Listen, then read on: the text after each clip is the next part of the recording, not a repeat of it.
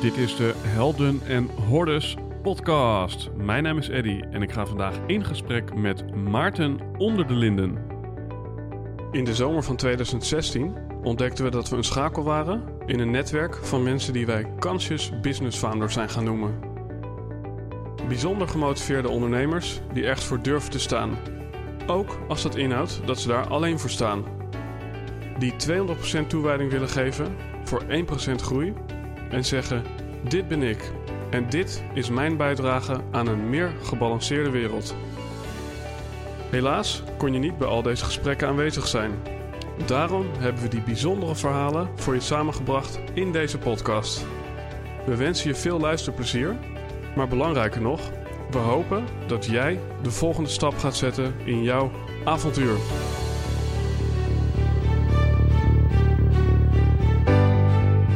Lieve luisteraar, ik ga vandaag in gesprek met een goede vriend van mij en zijn naam is Maarten Onder de Linden. In deze aflevering leer je onder andere wat mentaliseren is en waarom dat niet zoveel te maken heeft met Hans Klok. Waarom oplossingsgericht coachen zo goed werkt en wat motiverende gespreksvoering inhoudt en hoe het jou en jouw dynamiek met de ander kan dienen. Ook leer je waarom snel oplossingen creëren vaak tot problemen leidt en waarom con- confronteren eigenlijk bijna nooit werkt. Maar eventjes iets heel anders. Heb je, al een, eh, heb je trouwens al een kaartje voor, eh, voor Richard de Let, voor Helden en Hordes Live, met de titel Zielsgelukkig maakt kerngezond. Ja, ik ga dus met Richard weer een live show doen. Ik zeg weer, de eerste mocht niet doorgaan vanwege corona. En we maken een reis van de ziel naar de geest, naar het lichaam, om te kijken van ja, hoe verhouden die drie zich nou tot de gezondheid van jou? En naast dat het een hele informatieve en inspirerende aflevering gaat worden, waar je ook vanuit het publiek mee mag praten door middel van de microfoon, is het misschien ook wel de gelegenheid om andere mensen te ontmoeten die in de podcast aanwezig zijn geweest. Om Richard na afloop even te spreken, om met mij misschien een drankje te drinken. En om er gewoon eventjes lekker tussenuit te zijn. In de Haarlemse bibliotheek in het mooie Haarlemse centrum. Volgens mij is de inloop een uurtje of half acht. Het begint om acht uur. En dan heb je tot half tien een ja, geheel georganiseerde show. Met afsluitend dus een drankje. Ehm, zodra Richard, ik of de bibliotheek een nieuwsbrief eruit gaat gooien, dan kan de kaartverkoop, en er zijn zo'n 200 tickets geloof ik. Misschien komen er ook live tickets voor eh, Facebook Live, dat je via online kan kijken. I don't know. Maar ja, als je er live bij wil zijn, wat waarschijnlijk toch het leukste is, ja, dan moet je misschien eigenlijk even naar de show notes in deze aflevering om daar een ticket aan te schaffen. Gewoon puur omdat het even heel hard kan gaan als Richard zijn mega nieuwsbrief gaat delen. En wij doen het ook en de bibliotheek doet het ook. Lijkt me heel leuk om, uh, om jou daar te ontmoeten als je een trouwe luisteraar bent. Misschien ook wel van de Oersterk podcast van Richard. En dan ga ik nu snel weer door naar de show. Oh, en heb je nou trouwens deze hele intro geluisterd en denk je, ja, die 21 april is al voorbij. Maakt niet uit, dan kan je waarschijnlijk in het overzicht de aflevering vinden. Want hij wordt daarna als podcast geplaatst op video en audio. Oké, terug naar die vriend van mij, Maarten Onderlinder, opleider, ontwikkelaar en vooral zichzelf. Maarten leidt op in evidence-based coachingsmethodes die hun wortels hebben in het werken met multiproblem gezinnen, verslaving en borderline patiënten. Hij doet dit voor een aantal grote gemeenten, jeugdzorgorganisaties, het onderwijs en de Raad van de Kinderbescherming. Hij leert simpele gesprekken te voeren met moeilijke mensen.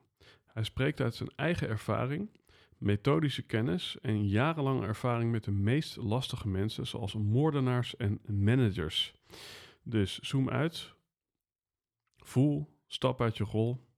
Kwetsbaarheid is kracht en vertragen is versnellen. Ladies and gentlemen, Maarten onder de linden. Alright, ladies and gentlemen, dit is aflevering 101, een nieuw era. Misschien zelfs met een nieuw muziekje. Misschien heb je dat net wel gehoord. Wie zal het zeggen? En ik zit hier aan tafel met inmiddels goede vriend Maarten onder de linden. Dus volgens mij gaan wij vandaag onder de linden bomen. Ja. Eddie Boom en onder de linden. Hele goede grap. En misschien even een eh, kleine uitdraai voor de luisteraar. Ehm, nou, eh, Maarten, ik ken jou omdat we hebben samengewerkt. Ja. Eh, inmiddels eh, weten we iets meer van elkaar dan alleen eh, hoe wij zakelijk opereren. Ja. Voor de luisteraar misschien goed om ja, even te beginnen.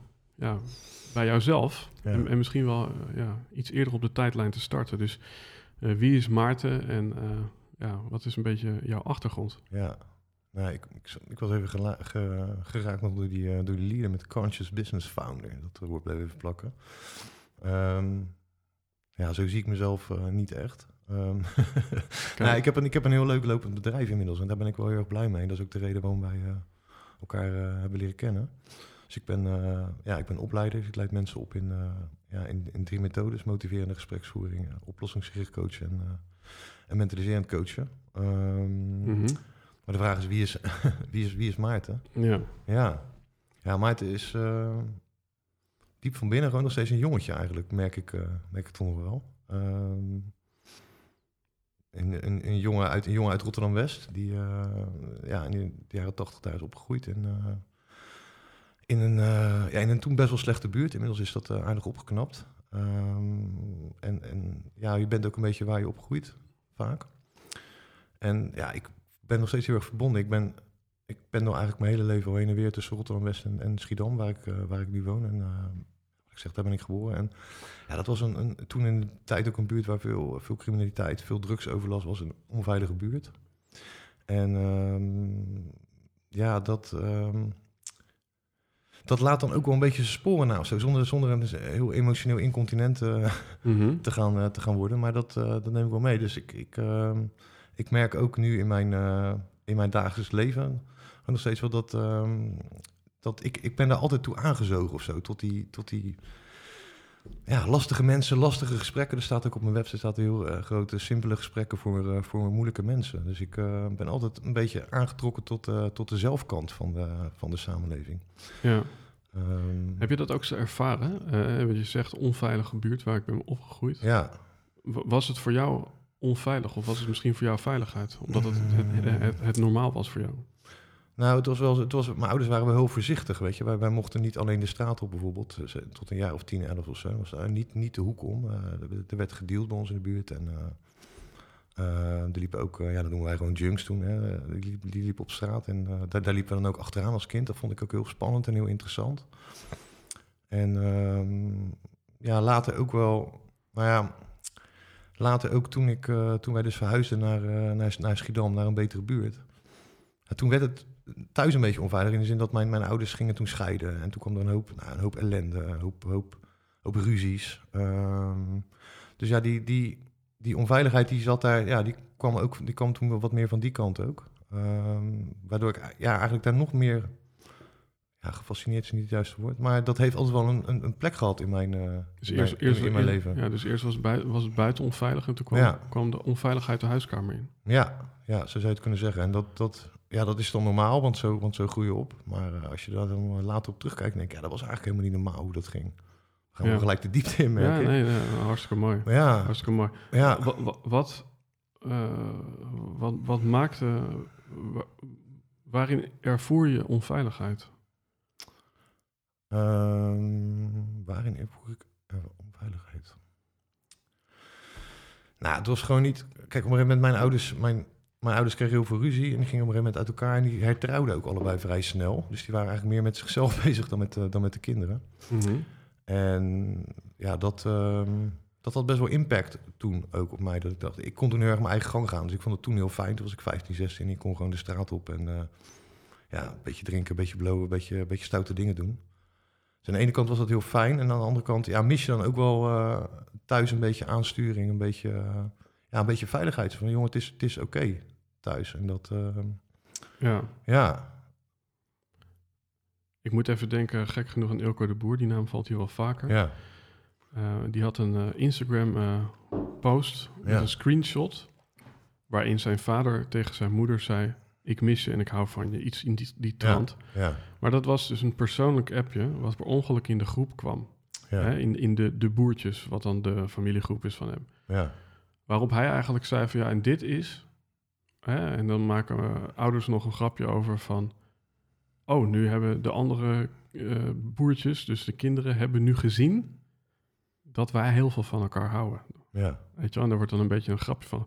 Maar wat hij dus eigenlijk zegt is... Ik heb ooit een gesprek met hem gehad.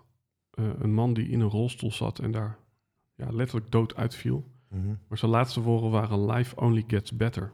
Ja, En dat sprak hem heel erg aan, omdat hij zelf ook voelde ehm, dat hij zo in het leven staat. Een oneindige hoeveelheid vertrouwen. ja.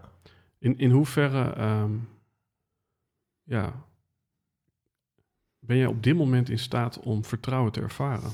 Ja, gek genoeg heel erg, man. Dat, ehm, dat, dat ik, ik merk dat, dat ik steeds meer... Kijk, voor, voorheen haalde ik, haalde ik dat uit mijn werk en uit een, eh, uit een relatie ook. En die inmiddels, eh, die inmiddels verbroken is. hè. Dus ik zit het afgelopen eh, half jaar echt in een proces van... Oké, het zit allemaal in, in mij. En eh, ja, de externe omstandigheden zijn de externe omstandigheden. Mhm. Ehm, ik heb een drukke baan, weet je, ik heb een leuk, ik heb een leuk bedrijf. Eh, ik, ik heb twee kinderen, twee jongens. En ja, dat is gewoon, dat is gewoon een drukke boel. En er gebeuren ook dingen, dingen, dingen waar je geen invloed op hebt. Mhm. En ik merk dat ik steeds meer oké ben. En ik denk, oké, ja, dit, dit, dit gebeurt. Oh, wacht even, dat doet een beetje pijn. Ah, dat moet ik gewoon even voelen. En dan is het ook weer weg. Dus ik heb heel lang, ja, heel lang wel gewezen ook naar de omstandigheden. Ik dacht, jezus, waarom gebeurt dit nou? Waarom gebeurt dat nou? Eerst, eerst met mijn ouders en toen, hè, dus, dus ook wel een stuk, ja, mis- misschien ook wel een beetje slachtoffergedrag. Waar, waar, En- waar, ja. waar, waar heb je dat ver- vertrouwen dan uit ontleend? Want als dat er niet met de paplepel in is gegooid, waar heb je het gevonden? Ja, nou ja, in mezelf en in mezelf ontwikkelen, zeg maar. Dus echt gewoon, ehm, nou, ook in die methodes waar ik mensen in onder, onderwijs, als ik, als ik ergens induik, dan duik ik er volgas in. En dan merk je van, oké, hey, hier heb ik er zeker talent voor. En daar werd ik ook in gezien, zeg maar zeggen, in het, eh, in het trainersvak en in het, ehm, ja, in het beheersen van die, eh, van, die, van die methodes. Ja, en dan kom je gewoon toffe mensen tegen die, je in het, die het in je zien zitten. Ja, En daar groeide ik heel erg door. En daar werd ik op een gegeven moment ook wel een beetje dat ik dacht, oké, en dan ben ik op zoek naar die bevestiging. Ja, Ja. Toen ik dat los ben gaan laten, dus ik echt van, oké, ja, dan, nu nu heb ik dat leuke bedrijf en nu, nu loopt alles. En er verandert eigenlijk niks, hè. Ik rijd nog steeds in dezelfde auto, ik, rijd, ik woon in hetzelfde huis. Ehm, maar het is oké. En dus, ja. Dus door, door te voelen, ja, ja. ja. Door te voelen en eh, daarmee, als ik het goed zeg, eh, sneller los te kunnen laten. Ja, ja, Ja. ja. Dus het is niet zozeer dat je, hè, want we zitten er lekker diep in, maar we gaan zo ook wat over eh, je onderneming en je methodes uitdiepen. ja. Maar het is dus niet zozeer dat er eigenlijk altijd vertrouwen is, maar je hebt er vooral vertrouwen in dat als het er niet is, dat je snel weer in vertrouwen kunt komen door het los te laten. Ja. Ja, en er gebeuren gewoon dingen en die doen pijn. En, dat, en die pijn moet je gewoon even voelen. Eh, en als je die pijn voelt, dan gaat die ook weer weg. En dan kom je weer sneller back on track. Ja, ik. ja, ja. Dus ik merk dat het steeds meer een, een, een, een pad is van... hé, hey, ik ben oké met mezelf, wie ik ben en waar ik, waar ik nu sta. Ja. En, ehm, ja, daar, daar heb ik geen externe dingen voor, eh, voor nodig om, me- om me beter te voelen. En ik denk dat dat heel interessant is, want daarom noem ik dat voorbeeld van Ilko. Kijk, op het moment dat jij inderdaad overal om je heen eigenlijk vertrouwen eh, zag, Ja. en dat er dus ook ruimte over was om als ouder het kind het gevoel te geven dat hij helemaal oké was, Ja, ja, hè, dan, dan, ja, dan heb je eigenlijk altijd genoeg vitamine eh, gehad Ja. en, en dan eh, kan je goed opbouwen. ja. En, en jij hebt eigenlijk ja, je eigen vitaminewinkeltje geopend. Ja, nou, dat klinkt ook misschien. ehm, kijk, het was ook wel, ook, wel, ook wel gezellig thuis hoor. En er zijn ook wel hele mooie dingen gebeurd, maar ook, Mhm. een, hoop, eh, ja, ook een hoop shit. En, ehm, ja, zonder nou al te zielig te gaan lopen doen. Want is, ik, ik, bedoel, ja, ik ken heel veel mensen die, die dat hebben meegemaakt en die daar misschien ook niet zo open over zijn. Maar er is, het is natuurlijk overal wat aan de hand en iedereen komt zijn, eh ja, zijn hoordes tegen. Mhm. Ik zat ooit, eh, ik, heb een, ik heb een half jaar filosofie gestudeerd en eh, zat daar een meisje, echt een hele mooie meid, dus die viel ook echt op. En op een gegeven moment was die, die, die was er een week niet. En toen vroeg ik aan een jongen met wie ik daar wel goed was. Ik zei, joh, waar is... nou, ik ben de naam even kwijt, Marokkaanse naam. Echt een, echt een prachtige meid. Hij zei, ja, die is, eh, ja, die is even een weekje, een weekje thuis. Ik zei, wat is er gebeurd dan? Ja, haar konijn is overleden. Nou ja, dat was, maar dat was, zij kwam uit een heel veilig gezin. En ehm, ja, had een heel mooi, heel mooi, een mooi wereldje. Die had alles mee, eh, slim, kon goed leren. Ja, dan kan zoiets gewoon impact maken. Dus het is, Ja. eh, het is ja, iedereen heeft zo zijn shit, weet je. Dat, Ja. ja, want om daar nog even één afslag in te nemen. ja, Oké, je kunt dus vertrouwen in jezelf genereren. Ehm, eh, de eerste keer dat ik jou ontmoette, toen zei je... You meet me on a very strange moment. ja, Fight Club, hè. Ja, Ja. Fight Club. Ja, you met me in a strange, very strange time of my life, Marle. Ja. En, en op dit moment ja, ontmoet ik je iets meer in bliss. Ja, zeker. Ja, dankbaar man, vooral. Ja, dankbaar. Voor, wat er, eh, voor wat er allemaal is. Ja. En als we dan kijken naar, eh, oké, dat, dat vertrouwen, dat, dat kun je nu zelf opwekken. Ja. Maar welke dingen ha- halen je dan soms toch nog in onveiligheid? Of, of, of daag je uit? Wat, wat, voor, wat voor situaties zijn dat? Of, of wat voor mensen Ja. zijn dat? ja.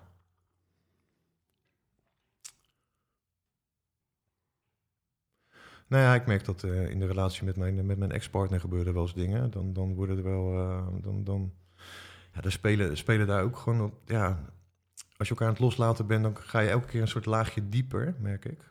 Eh, ik ben heel erg gehecht aan haar. En Mhm. daar, dat, ehm, ja, dat maakt me nog wel eens een beetje wankel. Ehm, want dan gaat het, ook, en dan gaat het natuurlijk ook over, eh, over ons kind. Ehm, dat, dat maakt me nog wel eens wankel, merk ik. Ehm, ook in de relatie met mijn, eh, met mijn kinderen. Nog wel eens dat ik denk, ah, dan gebeurt er wat. En ik ah shit, ik schiet weer in een soort oude, oude reactie. Ehm, ik heb met mijn, met mijn oudste zoon nog wel eens dan.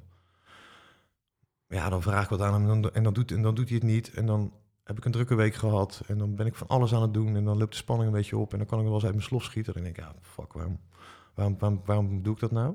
Terwijl als ik Mhm. het gewoon aan hem vraag, dan, eh, dan, dan, dan gebeurt het.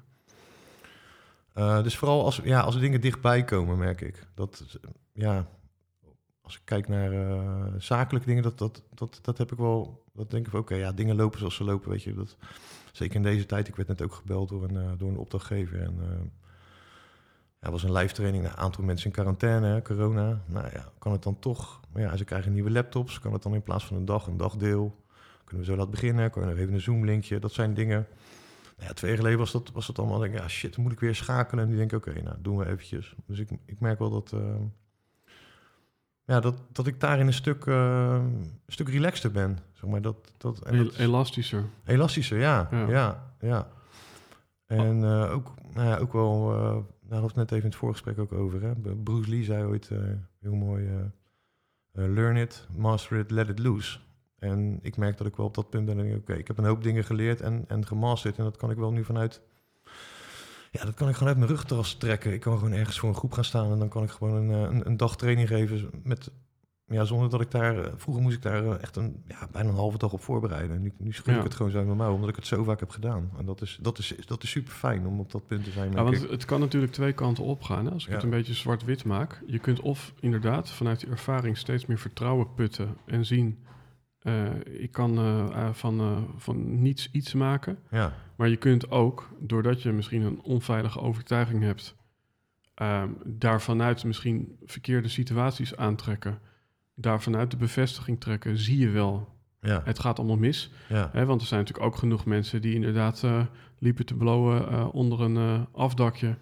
Die uiteindelijk misschien zelfs begeleid wonen of, of nog Zeker, erger. Ja, die, ja, die ken ik ook, die jongens, ja. dus dus, dus Ja. ja. het is toch altijd intrigerend vind ik om te kijken van sommige mensen die, die gaan van krantenjongen eh, naar Naar miljonair. En anderen die gaan van miljonair naar krantenjongen. En, Sander de Kramer, ja. of of die, die waren een krantenjongen en uiteindelijk eh, staan ze de dakloze kant. Ja, ja.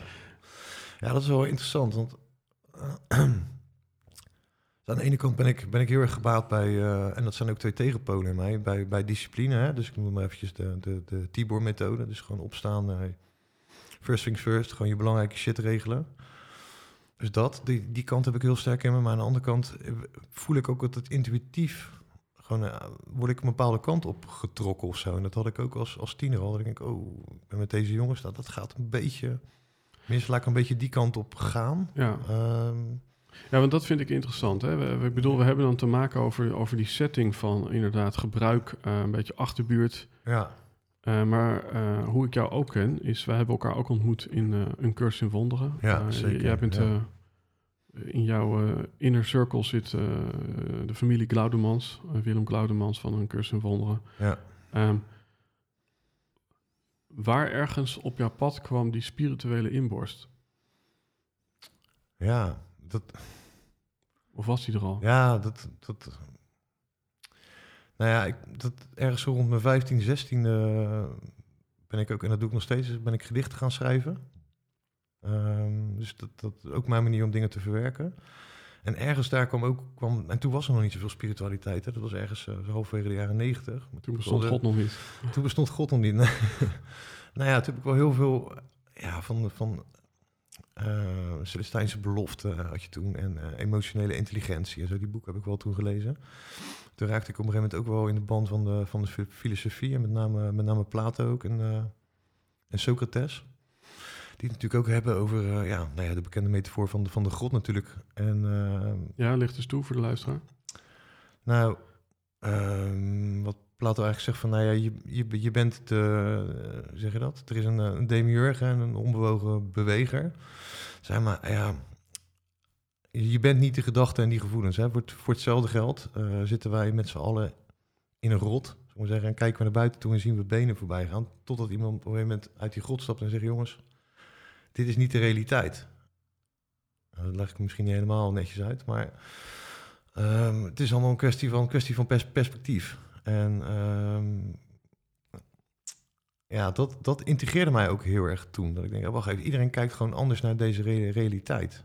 Mm En dat... Uh, heb, ja, je, heb je altijd uh, hetzelfde gekeken? Of, of kijk je nu heel anders dan toen je kind was? Hoe bedoel je? Nou, hè, als we het hebben over waarneming of perspectief, ja. heb je nu een, een andere waarneming of levensbeschouwing dan toen? Of was je ook, Zeker, in, in ja. de, of was je ook in de ghetto... Uh, in de ghetto klinkt Ja, even overdreven misschien, maar was je toen ook al de, ja, de, de persoon die, die overal uh, ja, verandering en, en mogelijkheden en ontwikkeling in kon zien? Ja, nou dat is ook een soort golfbeweging geweest. Ik kan me herinneren dat ik als, als, als, kleuter het liefst op het uh, schoolplein rondliep en een beetje liep te filosoferen. En dat kwam dus op mijn zestiende kwam dat weer terug. Toen heb ik uh, tot mijn twintig of zo, toen heb ik filosofie gestudeerd. En toen ben ik een tijd nou, heel erg hard aan het feesten geweest, ook tijdens mijn studententijd. Toen was het echt helemaal weg. Toen was het gewoon knallen en uh, werken. Toen kwam dat zo rond eind 20 kwam dat weer terug. Ja, toen is het ook weer een tijd weg geweest. Ook gewoon alleen maar focus op, ja, op die methodes leren, rammen. Rammen, website bouwen, rammen, rammen. En ik merk nu de, het afgelopen jaar ja, dat, ik er weer, dat ik het weer hervonden heb. En uh, dat het me heel veel. Uh, ja, dat het me heel veel brengt. Het is altijd op de achtergrond wel aanwezig geweest. Maar ik merk dat ik er nu wel weer zwaar, uh, zwaar in zit. En met name, ja, met name de cursus ook. Ja, ja. ja wat, wat eigenlijk weer heel, heel veel overlap heeft met, met mentaliseren. Ja, en daar komen we zo op. Hè? Ja. Want, want eerst nog even iets breder. Ja. we hebben het net even over spiritualiteit gehad en over filosofie. Ja. waarin ontmoeten filosofie en spiritualiteit elkaar? Zijn dat twee totaal verschillende dingen in jouw ogen? Ja, dat zijn natuurlijk allebei, het zijn natuurlijk allebei containerbegrippen. Um, kijk, spiritualiteit is voor mij echt de weg naar binnen toe en kijken van, goh, wat, wat zit er allemaal, wat voor, wat voor lagen kunnen er allemaal nog vanaf om, om dichter bij mezelf te komen. En, en filosofie gaat natuurlijk ook, gaat voor mij over het, uh, het, het goede, het, het, ware en het schone. En dat, en dat raakt elkaar, dat raakt elkaar wel. Filosofie is natuurlijk wel wat breder, maar dit is, dit is wat voor mij, uh, wat, wat ik er interessant aan vind. Um, ja, dus ja, ze raken elkaar voor mij in die zin dat, uh, dat het overgaat van, goh, wie ben ik nou? Um, wat, vind ik, wat vind ik fijn? Wat is het, wat is het goede om te, om te, om te doen? Mm -hmm. En uh, ja, hoe kan ik ja, hoe kan ik daar in mezelf zijn en, en iets moois, moois neerzetten in de wereld? Dat is, uh, ja, ja, dat is toch wel wat, wat, mij, wat mij drijft, merk ik. Even iets ja. meer de materie in, hè? Ja. Um, jij hebt moordenaars begeleid ja. en je hebt hoogleraren begeleid. Ja. Nog, ja. ja uh, wel een breed spectrum waar ik, uh, ja, van mensen. Waarin heb je die mensen begeleid? Nou, ik ben... Uh, nou, ik, nou ja, begeleid. Ik ben, uh, ik ben, ik heb een hele tijd heb ik. Uh, nou, laat ik even, we gaan even met mijn carrière anders beginnen. Ik ben nooit, uh, ooit begonnen in de, in de gehandicaptenzorg en ik word dan altijd weer ge gevraagd of geattendeerd. Iemand zei van, goh joh, je moet daar eens kijken. En toen ben ik in de jeugdhulpverlening heb ik tijd gewerkt, dus in de crisisjeugdzorg. Dus kinderen die uit huis zijn geplaatst en die begeleid. Nou, daar kom ik onder andere een nou ja, goed, daar zaten gewoon echt hele beschadigde kinderen tussen. En ook dus ouders die later dus ook bleken mensen vermoord te hebben. Dus in die zin, eh, daar, daar kwam ik de eerste moordenaars wel tegen. Ehm, ja, daarna een hele tijd in de reboundwereld gewerkt. Dus eh, dat zijn reboundvoorzieningen zijn voor jongeren die uh, tijdelijk van school zijn gestuurd, meestal vanwege uh, gedragsproblemen, agressie. En van daaruit uh, tijd voor justitie getraind en ook steeds meer eigenlijk van het trainen met de doelgroep zelf. Dus daar, daar veel met gevangenen getraind, ehm, ja, gedwongen verandering. Maar ook daar, daar steeds meer mensen gaan, mensen gaan opleiden. Dus eigenlijk van trainen met de doelgroep zelf naar het trainen van professionals. Um, wat was je vraag ook weer? ik begin heel veel heel verhaal. Nee, we, we begonnen bij uh, van, van, van moordenaars tot hoogleraar. Ja, ja, ja. Nou ja, dus dat is een soort weg van de geleidelijkheid geweest. En ik, uh, ja, ik merk ook als ik ergens uitgeleerd ben, dan ga ik, dan ga ik een soort automatisch door naar het volgende. Dat is een soort, soort drijf van, oké, dit is interessant. Oké, ik snap nu hoe zo'n groep werkt. Ik snap hoe de begeleiding van kinderen en jongeren werkt. Ik snap, ik, ik heb daar ook leren trainen. Op een gegeven moment uh, ben ik, kwam ik een, in een agressie-relatietraining terecht bij een trainer waarvan ik dacht van oké, wauw. Jij bent een toffe gozer en jij snapt het. En volgens mij snap ik dit ook. Dat was een soort herkenningsmoment. Dat was eigenlijk voor het eerst dat ik dacht, oké, dit, dit snap ik, hier heb ik talent voor. Dus toen vrij snel met hun gaan, uh, gaan opleiden. En toen van daaruit zei hij van, joh, je zou eens bij ons moeten kijken bij, uh, ja, bij de recassering. Dus nou, daar weer ingerold. Dus had ik daar een opleiding. Toen zei ze van, goh, joh, jij doet het zo makkelijk, wil je niet voor ons komen opleiden?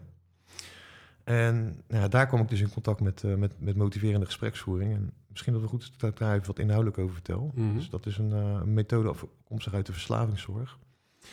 En um, ja, je zou kunnen zeggen een hele respectvolle manier waarin je mensen echt gidst naar verandering. Hè? Uh, je moet je voorstellen, deze methode is in de jaren tachtig ehm, bedacht. En in de jaren tachtig was het, op het moment dat mensen dus begeleid werden in een verslaving, was het nog heel erg de... de confronterende aanpak. Hè? Van ja, Eddie, je bent gewoon een lul, want je zuipt te veel. En kijk wat je je vrouw en je kinderen aandoet.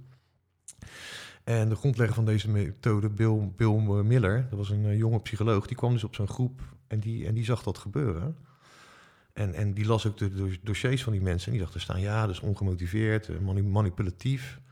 En hij dacht, hey, ik heb hele andere gesprekken met die, uh, met die mensen. Want je moet je voorstellen, hij ging in gesprek en hij, had, hij wist helemaal niks van alcohol. Een overtuigd christen en hij Mm Had hele, vanuit nieuwsgierigheid gesprek van hoe zit dat dan? En uh, hoeveel drink je dan? En wat gebeurt er dan thuis? En nou ja, tot zijn verbazing konden die mensen heel goed vertellen wat het kost en wat het ze opleverde. Dus toen trok hij een soort de conclusie van, wacht even, kennelijk heeft de manier waarop ik in gesprek ben met mensen, heeft dus invloed op hun motivatie. Ja. Um, en dat noemen we ja, dat duwen of dat pushen, dat, dat heeft zelfs een naam binnen motiverende gespreksvoering. Dat noemen we de reparatiereflex. Dus dat is onze natuurlijke neiging dat als er, een, als er iets is, hè, dus jij rookt bijvoorbeeld. Mm nou, dan zei ik dat nou echt hier in de podcast tegen jou nou, dus jij rookt en als ik dan tegen jou zeg van ja, Eddie, ja, je bent gewoon een lul, je moet niet roken, daar krijg je kanker van. Ja, dat, dat weet jij ook wel, dat hoef ik jou niet uit te leggen. Um, dus, en we denken vaak dat dat dan werkt, hè? dus de mensen daarmee te confronteren. Terwijl als je dat binnen een relatie doet, ja, dan werkt dat heel contraproductief. Dus dan gaan mensen of, mm -hmm. ja, of ze gaan tegen je in, hè? of ze komen in de weerstand, noemen we dat dan.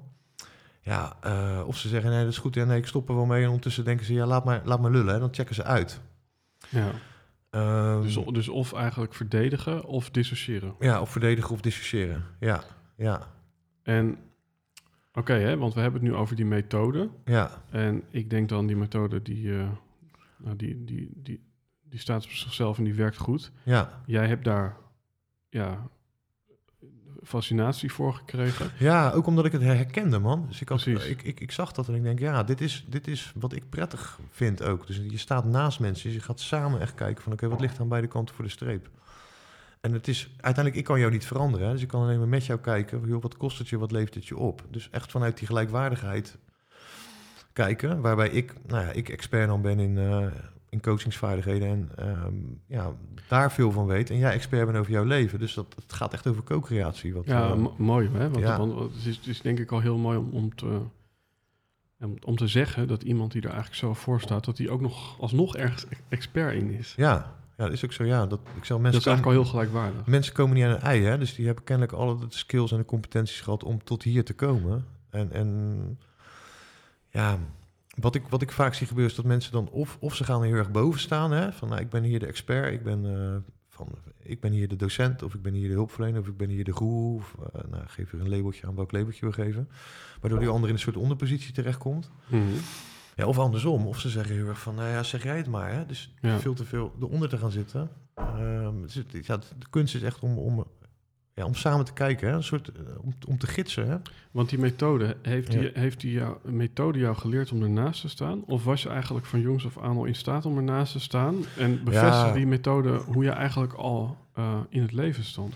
Ja, ja, en ook wel een beetje hoe mijn vader met, eh, met me omging. Ik bedoel, ik zei, ik heb wel een hoop shit thuis meegemaakt, maar mijn vader heeft altijd wel goed hersteld. En ja, dat was echt meer een, meer een vriend. Hij is inmiddels over, hij is al een tijdje geleden al overleden, maar dat was echt, ja, meer een ehm, vriend slash mentor dan echt een klassieke vader-vader. Van, nou, ik kom jou wel vertellen hoe het zit, weet je. Dat, eh, dus dat herken ik heel sterk en dat is ook ja, hoe ik in het leven wil staan, weet je. Dat, eh, hoe ik ook mijn kinderen probeer op te voeden. Van, ik ben ook geen klassieke vader. Zo van, eh, nou, ga maar zitten, ik ga het je even vertellen hoe het zit. Nou, ik geloof heel sterk in, En hoe was jouw vader? in, in, in, in, in, in vertrouwen geven. hè. En in mensen, ja, mensen zijn competent. Je moet ze alleen helpen herinneren dat ze het al kunnen. Dus dat, dat is denk ik de rol van en- coach. ja, en wat maakte, wat maakte dat jouw vader als, als mentorfiguur Ja, jou daar eigenlijk in kon sterken?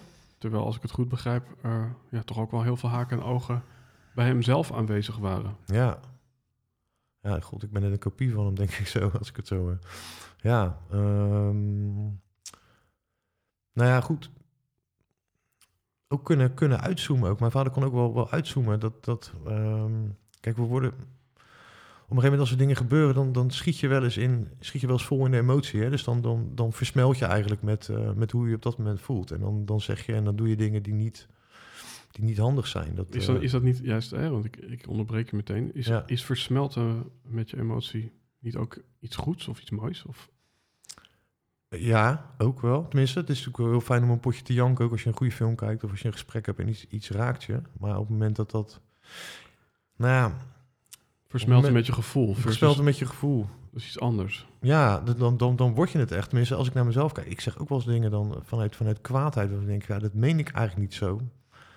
Ehm, eigenlijk wil ik nu gewoon controle hebben over deze situatie. Maakt dit, mij, maakt dit me verdrietig of bang? En dat uitzicht dan in kwaadheid. ja, Ehm, ja, ja, het bloed kruipt waar het niet gaan kan. Ja, nou ja, dat, dus ja, de vraag is, is dat niet goed versmelten? Ja, tot, tot het moment dat je, ehm, dat, je, ja, dat je misschien wel dingen zegt of doet waarvan je later denkt, ja shit, dat had ik moeten doen. En dan kan je het altijd weer herstellen. Ik bedoel, dat is, dat is ook, dat is ook oké. Ja, want eh, in filosofie zat ook eh, voor jou eh, in de definitie het zoeken naar harmonie en zuiverheid. Ja, het goede, goed, hè. ja, het goede, ja. En eigenlijk op het moment dat jij volledig versmelt, ja, als het tot een punt komt, als ik het even zo mag zeggen, dat je niet meer in staat bent om vanuit het goede te handelen, dan ben je eigenlijk te veel versmolten, versmolten geraakt. Kan je dat zo zeggen?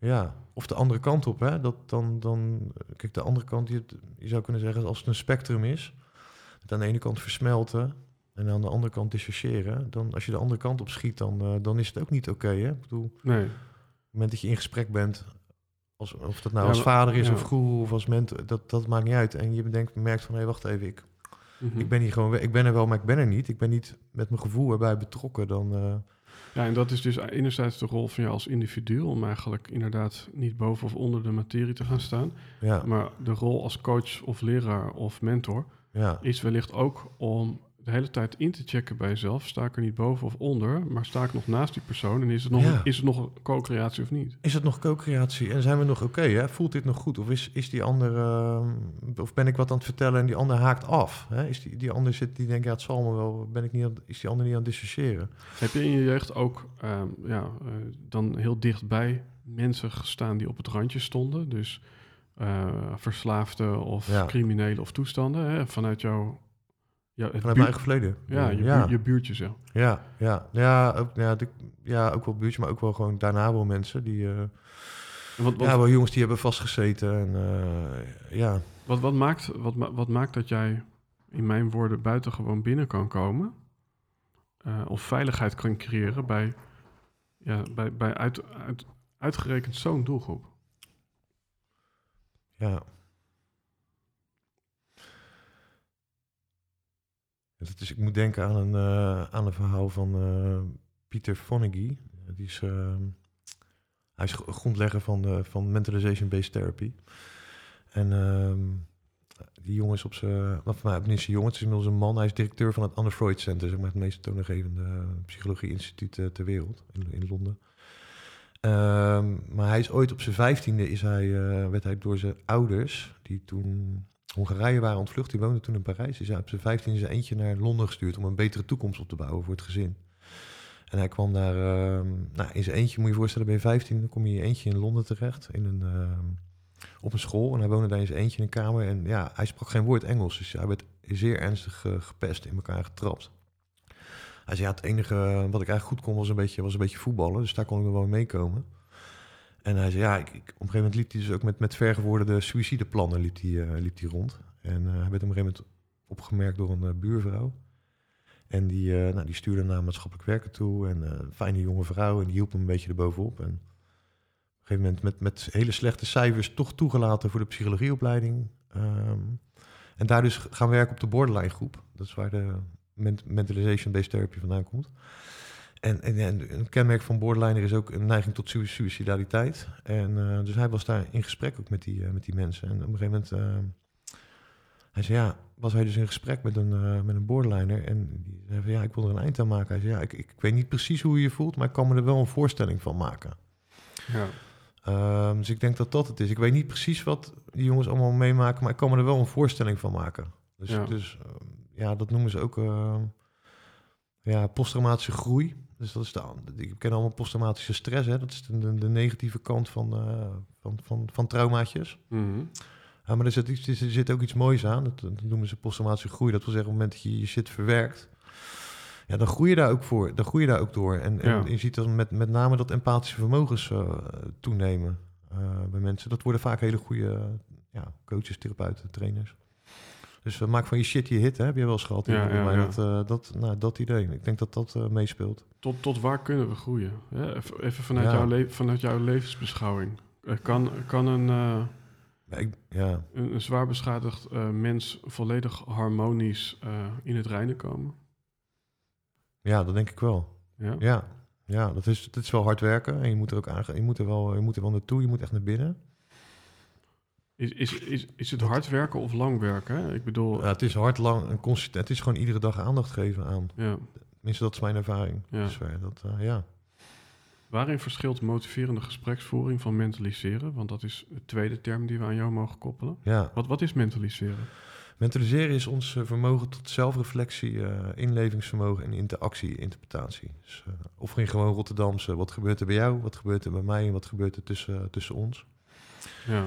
En we zien dat eh, hechting, dus ehm, de manier waarop er thuis met emoties werd omgegaan, hè, mochten die er zijn of moesten, werden die onderdrukt, heeft daar invloed op, dat is één.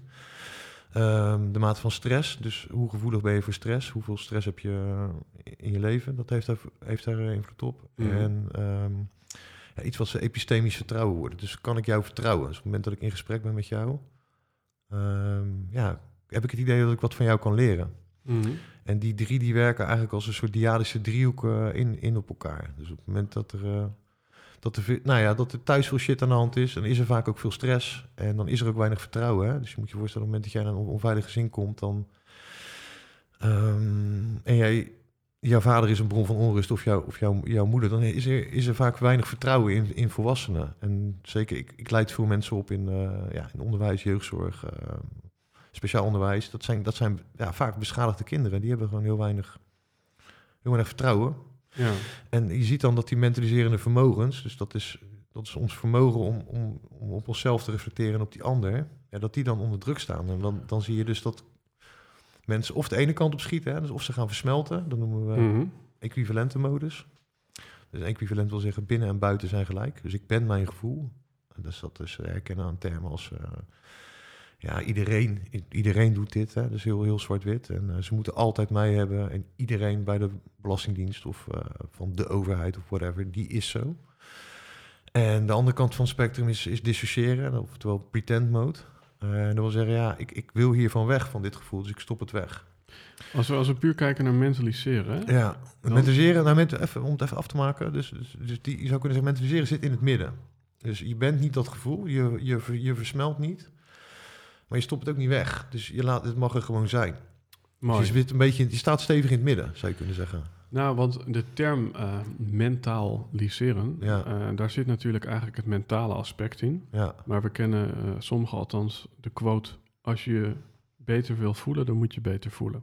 zeker. Ja. En, en, en als ik zo de term mentaliseren hoor... dan neigt het een beetje naar eh, verder van je gevoel eh, gaan. Eh, in, een Ja. soort, in een soort helikoptermodus... eh, en maar niet te dichtbij komen wat er in jouw binnenwereld gebeurt. Ja, het is, dus, daar heb ik het ook heel lang, eh, heel lang mee verward. Maar voor, mij is het nu meer denkend voelen en voelend denken. Dus het is kunnen denken terwijl je voelt en voelen terwijl je denkt. Ja. Dus eigenlijk die, die, die Grappig, lijn. Ja, we- ja. Weet je wat ik grappig vind? En dan krijg ik bijna even kippenvel. Dus als dingen, als, als voor mij klopt. Dat, dat denken, het voelen, voelen, denken. Dat is dus eigenlijk opnieuw weer ehm, ja, de co-creatie. Eh, dus, Ja. dus, dus, dus je kunt die co-creatie hebben van... wij hebben allebei onze expertise en inbreng in deze situatie. Zeker. We staan naast elkaar. Ja. Maar eigenlijk wat ik bij jou beluister... is dat het niet alleen van mens tot mens geldt... maar eigenlijk ook van hoofd tot hart. Zeker. Ja, Dus in het mens zelf ga- Ja. gaat die regel ook op. zeker. Dus niet alleen tussen ons, hè? dus niet alleen in, eh, in de verbinding, maar ook, ook bij jezelf en ook bij die ander. En het is denk ik ook goed als, als ja, dat noemen ze ehm, keeping mind in mind ook. Eh, en dat is wat, wat ouders met kinderen eigenlijk altijd doen. Hè? Je bent altijd checken. Je checkt op, als het, als je goed afgestemd bent op je kind, dan ben je ook het checken van, hé, hey, hoe, wat denkt hij en wat voelt hij? En moet ik daar wat, ja, moet ik hem een beetje helpen? Moet ik hem een beetje helpen taal te geven aan dit gevoel? Of eh, moet ik hem misschien een beetje afremmen? Ja, Ehm, dus, dus op het moment dat dat oké is, dan is er echt contact. En, Mhm. dat, en, dat, en dat kennen we allemaal. Hè? We hebben allemaal.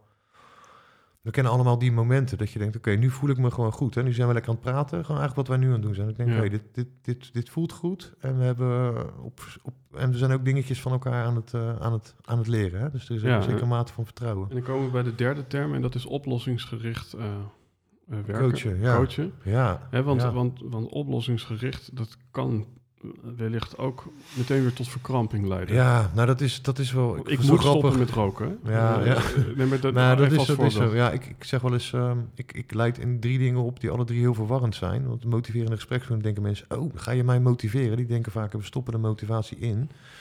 Terwijl wat we juist doen is, eh, we gaan ervan uit dat mensen, dat de oplossingen, of dat die motivatie in jou zit. Dus die halen we eruit. Dus ik ben heel erg nieuwsgierig naar wat er bij jou, wat jou drijft, wat jouw waarden zijn. Wat Ja, jou, ja. Eh, waarom het voor jou lastig is om te veranderen. En mentaliseren heeft dus niks met Rasta Rostelli te maken, zeg ik altijd. En oplossingsgericht coachen denken mensen vaak van... ja, ik ben heel oplossingsgericht. Oké, ja, en ik ga heel snel naar een oplossing toe. Ik zeg, ja, dat, dat doen we juist niet. We gaan juist, eh, we gaan juist vertragen en, en we gaan juist op zoek naar die kleine dingetjes die werken bij de klant. Dus we gaan op zoek naar de oplossingen bij jou, in, jou, in jouw systeem. ja, mooi. En dat doen we dus, ja, dat geldt voor alle drie de methodes. En dat is wel een terugkerend thema ook, merk ik de laatste tijd. Echt, echt door te vertragen, dus door, door de tijd te nemen. We zeggen eh, bij oplossingsgericht, you want to go fast, go slow. Maar Dus- wat, wat er net in me opkomt, want dat is natuurlijk mijn woord eh, kwap. Ja, Als je te snel naar de oplossing gaat, dan heb je een probleem. ja nou, dat is... ik uh, bedankt, ik gooi hem op mijn website, hè. Dat denk ik. Ja, ja, gewoon ja. Nee, dus oplossingsgericht gaat uh, ja, af, afkomstig uitwerken met, met multiproblem gezinnen. Ook, ja, naar alle drie de methodes is al heel lang onderzoek gedaan. Dus we weten ook, ik zeg altijd, ja, we weten wel wat werkt. Want woorden worden waarheid. En um, oplossingsgericht heeft zijn, zijn wortels in de, in de hypnotherapie van, uh, van, uh, van Milton Erickson. Dus er is ook heel veel overlap met, ja, met, met NLP. Um, dus we zijn heel erg op zoek naar Um, naar wat, ja, wat werkt er goed voor die klant en wat wil je in de plaats van dit en samen een beetje de gewenste situatie te gaan verkennen. Hè? Dus, dus, stel je voor dat het, dat het opgelost is. Ja. Hoe zou dat er dan uitzien? Dus niet, in plaats van wat heb je nodig en uh, wanneer is het probleem op zijn ergst? Hè? Dat zijn hele probleemgerichte vragen. Maar wat we willen is dat mensen uh, ja, weer een beetje gaan fantaseren, een beetje creatief denken en hele kleine oplossingen gaan zien. Ja, en vooral ook nieuwe dingetjes gaan uitproberen. Dus, dus ook weer vanuit... Ja, en co-creatie is echt een woord vanuit oplossingsgericht. Dus wel, uh, ik, ik, ik verstond kookcreatie. Nee, niet geen kook, dat is dan mijn pet. Ja. En dan met nieuwe dingen experimenteren. dat is uh, een mooie link. Nee. Maar ja, oplossingsgericht gaat echt over, over anders handelen. Dus, dus nieuwe dingetjes uitproberen. Dus op het moment dat je, ehm, ik noem maar wat, een, eh, een fijnere relatie wil. Mhm. En eh, iemand komt thuis, dan is het. eh, en, en je zegt eh, in plaats van. hoe zeg je dat? Nou, in plaats van dat je achter je laptop blijft zitten, klap je je laptop dicht en zeg je goeie, goedemiddag lieverd. Ik bedoel, dat is een hele kleine verandering. Maar Ja, dat, ja, dat ja. kan vaak al tot, Ja, ja, ik voel het meteen. Ja, tot, tot, tot, tot een betere relatie leiden. Ja. Ja. Of net iets eerder opstaan. Weet je, vaak zit het in dat soort hele kleine veranderingetjes. Uiteindelijk komt het allemaal neer op gedragsverandering, zou je Ja. misschien kunnen zeggen. Ja, is ook een beetje jouw woord, denk ik. ja. Als we dan kijken naar bijvoorbeeld een cursus in wonderen waar je ook mateloos door gefascineerd bent. ja. In hoeverre gaat het over gedragsverandering? Ervan uitgaande dat die cursus eigenlijk zegt, jongens, het is allemaal non-duaal. Eh, wie jij denkt dat je bent, dat, eh, dat had je gedacht. Ja, ja. Nou ja, dat is weer. Dan, dan komen we dus komen we eigenlijk op het stuk mentaliseren. Ment, als je een mentaliserend gesprek met iemand hebt, dan, dan mag alles er ook gewoon zijn. Hè? Dus dan ben je in gesprek en dan ben je niet aan het kijken van oké, wat zou je willen veranderen per se. Maar dan ben je heel erg in het, in het moment aan het kijken. En dan mogen die emoties er ook zijn. Ehm, ja, wat, ik, wat ik vaak zie gebeuren is dat we heel snel naar die oplossing toe willen. Dat tenminste, dat heel veel professionals dat doen. Dat ik zeg, joh, laat me nou zitten, eerst eens even kijken. En wat gebeurt er nou eigenlijk hier nu tussen ons? En, en, eh, en zeker met begeleiding van, van jongeren, gewoon even aandacht geven van, hé, hey, wacht even, ik, ik zeg nou wat en ik zie je nou dat doen, of je, je lijkt je een beetje terug te trekken, of wat, wat gebeurt er nu? En als het er mag zijn, dan is ja, waar we het gesprek al mee begonnen, dan mag het ook weer weg. Dus gewoon even voelen, Ja. kijken wat, wat er gebeurt er nu. Dan is de spanning weg. En dan kunnen we gaan kijken naar kleine, kleine oplossingjes. En dan is het vooral ook weer belangrijk om het uit mensen zelf te laten komen. Dus ze daarin een beetje te helpen. Jij, jij laat volgens mij ook behoorlijk eh, wat van je eigen binnenwereld zien. In, in, je, in je coaching, klopt dat? In mijn, ja, mijn opleidingen wel, ja. ja, Eh, eh, ja. nou, misschien is dat, is dat niet recent, maar wellicht heb je in het verleden mensen gecoacht... waarin je misschien ook zelf je laat zien hoe jij je voelt. Of wat Ja. Ja, ja, ja. Ja, ik denk dat daar dat ook wel. Dat is, dat is wel interessant. Want kijk, motiverende gespreksvoering en oplossingsgericht zijn heel erg bezig met die klant. En met name motiverende gespreksvoering, daar werken we met reflectief luisteren. En reflectief luisteren wil zeggen, nou, dat is wat interviewers doen. Hè? Dus jij dit, jij dat. Met als doel die ander aan het woord eh, te houden. Dus eh, mensen praten zichzelf naar verandering toe. Ehm, bij oplossingsgericht zijn we meer vanuit co-creatie, dus vanuit wij. Ehm, Kijk, oké, wat werkt er je systeem? Dus heel erg de omgeving erbij aan het betrekken. En bij mentaliseren zet je jezelf ook in als instrument. En ehm, ja, dat mentaliseren is een beetje mijn USP, tenminste, eh, mijn, unique selling point in, binnen de trainingswereld aan het worden, merk ik. En ja, daar zet je jezelf ook in als instrument. Dus dat betekent ook van, hey, ik, ik merk ook, als jij dat zo zegt, dan merk ik bij mezelf dat er dit en dat gebeurt. En dat Mhm. is echt, ja, ik merk dat dat heel erg wennen is voor mensen. Want ze zijn heel erg zeker een hulpverlening heel erg gewend van het gaat om die klant, het gaat niet om mij. Ik zeg ja, maar die jongens en meiden, die moeten ook leren wat hun gedrag met jou doet. En op het moment dat jij zegt, hey, ik merk dat ik dat niet zo prettig vind als je dat zo zegt, dan krijgen zij een spiegeltje, waardoor ze leren, oh wacht even, mijn gedrag heeft dus effect op anderen. En, en, dat En dat, maar dan moet je dus ook goed bij, bij kunnen van, hey, wat voel ik eigenlijk zelf Ja, mooi. in dit, in dit gesprek? En Ja. dan, ja, dat is dan, zeg maar, ja, dat is niet professioneel. Ik zeg, nou, ik denk het wel. Dat, Maar is, ik- dat is wel professioneel. Maar ik kan me ook voorstellen dat het, hè, dat het iemand bestaansrecht geeft. Ehm, hij, hij kan misschien, of zij kan misschien denken, oh, eh, ik, heb, ik verneuk ook nog het leven van een ander. Ja, Dat- dat zou kunnen, ja, hè? maar het zou ook kunnen dat iemand denkt, hey, ik heb eigenlijk best wel wat invloed op de wereld om me heen, dus ik heb bestaansrechten. Welke, welke is meer waar in deze context? Nou ja, dat luistert ook nauw. Hè. Dat heeft natuurlijk ook met de toon van de muziek te maken. Ja, je moet mensen spiegelen, confronteren. Dat vind ik altijd een beetje kut worden. Dan denk ik, ja, dat, dat klinkt zo hard, hè. Net als de discussie aangaan. Eh, Je moet die jongens gewoon liefdevol een spiegeltje voorhouden. Dus dat, dat, ik denk, ik geloof heel sterk als je dat vanuit, ja, vanuit de juiste intentie doet. Dus mijn intentie is om jou, eh, jou te helpen en, en eh, gewoon te laten zien wat dat met mij doet. En je zegt dat, nou, zoals wij nu in gesprek zijn, dan, dan dan hebben, daar, dan, dan hebben mensen daar alleen maar eh, respect en bewondering voor. Ik geloof heel sterk dat kwetsbaarheid echt kracht is. Dus dat je eh, door, door dat terug te geven ehm, mensen, mensen een stukje verder helpt. Ik, is wel grappig. Ik had, ik had een, ik had een eh, vooral met, met, de zeer twee jaar geleden een pilot gestart bij, in, in Rotterdam. Ehm, en een vriendin slash collega van mij daarin opgeleid. En die is daar, nou, die is daar, die is helemaal ingedoken ook. En die belde me laatst op en zei, ja, ik had laatst een, ik had laatst een vader. En die, eh, en die man die belde hem helemaal op. En die zei, ja, en eh, als jullie dat doen met mijn kind, eh, dan, eh, ja, nou ja, die ging een beetje uit de stekken. Zei ze, nou meneer, ik merk, ik merk dat ik dat eigenlijk niet zo prettig vind als u zo tegen me praat. En als u de volgende keer zo komt en u praat zo, ja, dan moet ik, ja, dan moet ik iemand van de beveiliging erbij vragen. Want ik voel me dan niet veilig als u zo doet. Oh, zegt die man. Oh. Heb je dat wel eens vaker? Dat is mentaliseren over de overdracht. Hè, van, dat is eh, breed. Hij zegt, nou. Die man zegt, nou. Nee, het zeg, ik, ik zat laatst bij jeugdzorg, zat in één keer een beveiliger erbij. Dus ik dacht van, hé, wat doet die man er nou bij? Nou ja, als niemand dat ooit tegen jou zegt van... hé, dat is eigenlijk niet zo prettig, meneer, als je zo tegen mij schreeuwt... dan leert iemand ook niet dat zijn gedrag effect heeft op anderen. Ja, En, wij- nou, en door dit verhaal, de, door zo'n interventie leert ze man... oh, wacht even, dat, nou, dat heeft dus effect. Ja. En dat wil hij natuurlijk ook niet. Maar hij is gewoon er niet... hij is het er zich niet bewust van... dat dat zijn gedrag dat effect heeft. En heel veel mensen zijn er een beetje bang voor. Gaat uiteindelijk terug te alles om, eh, gaat uiteindelijk dan alles in zo'n traject om jezelf beter begrijpen? Uiteindelijk wel, denk ik. Ja, Ja, ja. Nou, dat geldt voor ons allemaal, denk ik. Van, ja, wie, wie ben ik nou eigenlijk? En, en, ehm, nee, want eh, er zit natuurlijk altijd een, een knip tussen eh, begrijpen en call to action. Dus er ook echt een soort van plan eh, ja, aan, aan vastknopen. ja. In hoeverre is bewustwording al genoeg? Ja, dat, dan komen we in een soort merkwaardige paradox komen we dan weer terecht, volgens mij. Dus dan komen we in het verhaal terecht van ja, je bent goed genoeg zoals je bent en tegelijkertijd is er ruimte voor, eh, is er ruimte voor verbetering. Ja.